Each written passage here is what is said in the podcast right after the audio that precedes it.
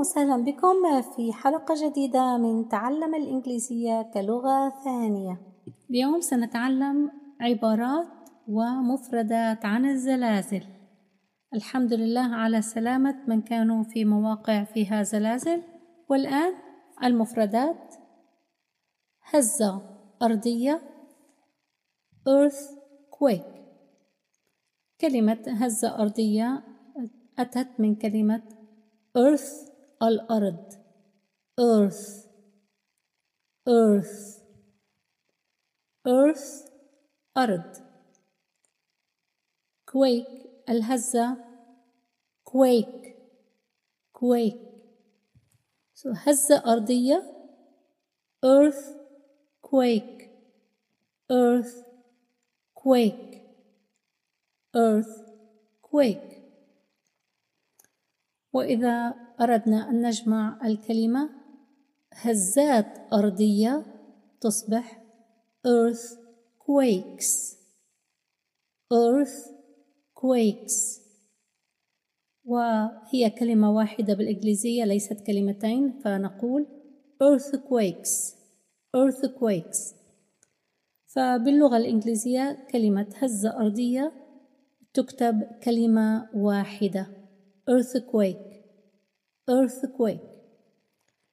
والهزات الأرضية طبعا مخيفة جدا ومرعبة. عندنا بالإنجليزية كلمتان لتعبير مخيف ومرعب كما في العربية. مخيف. scary scary scary لاحظوا أنها s k ليس هناك أي حركات يعني s k فورا ليس هناك أي حركة على حرف ال s وليست scary scary فورا scary مخيف scary. أما مرعب وهي أكثر من scary مرعب أو مرعبة terrifying. Terrifying terrifying فإذا نراجع الكلمات earthquake هزة أرضية earthquakes هزات أرضية مخيف scary مرعب terrifying أنا خائف أنا I am. I am. You can say I am or I am. تختلف اللهجة حتى في أمريكا من ولاية لولاية. I am afraid. I am afraid. وبسرعة I am afraid.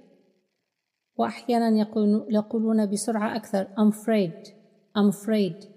فحين نستمع للأمريكان يقولون I'm afraid هم يقصدون I am afraid خائف من الزلزال I am afraid of the earthquake I am afraid of the earthquake هذه جملة I am afraid of the earthquake. الجملة كاملة. أريد أن أنوه على أمر. رقم واحد afraid of. أحيانا الأمريكان يقولون afraid of مع أنها تكتب بالحرف F بالإنجليزية ولكن يقولونها afraid of. The earthquake.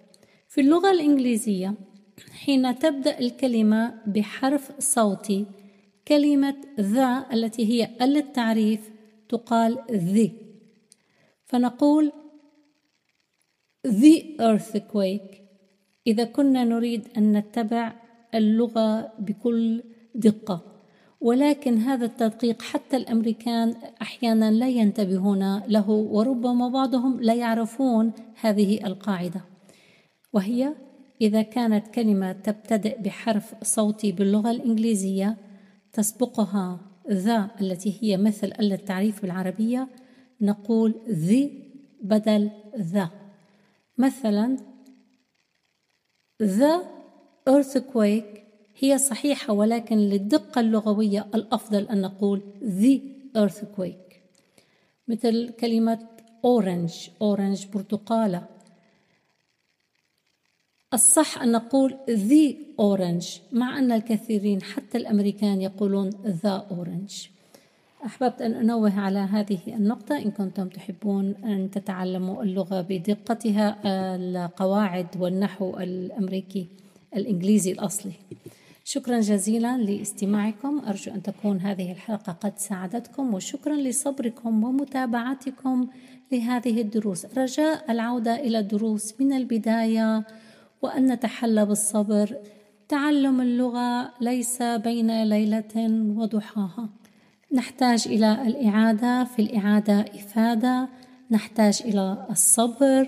وممكن أن تكون معنا ورقة وقلم ونكتب ملاحظات ونعود إليها. نسمع الحلقة أكثر من مرة. آه، صدقوني أن الفائدة آه، تتراكم. يعني فائدة اليوم فائدة غدا فائدة بعد غد.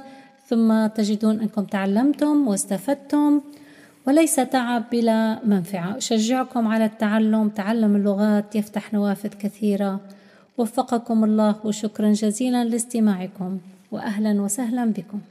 بعد الفاصل هناك فقرة امتحان المعلومات وحزورة.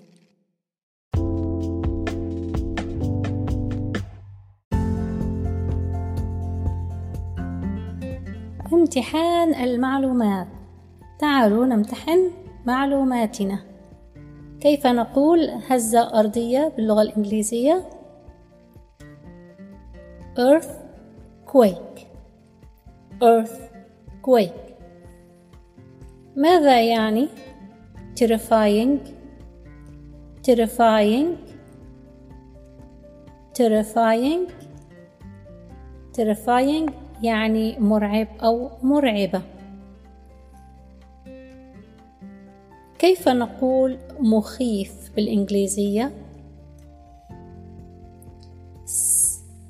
تبدأ بحرف s sk. scary. scary. scary. scary يعني مخيف.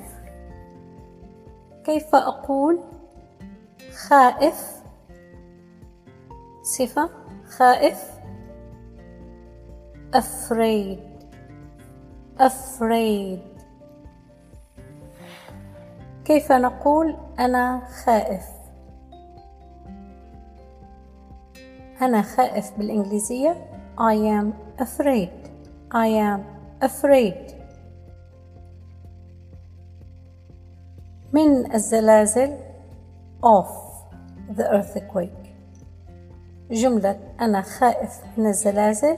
كيف نقول أنا خائف من الزلازل بالإنجليزية؟ I am afraid of the earthquake. شكرا جزيلا وأرجو أن تكونوا قد تمتعتم بامتحان معلوماتكم.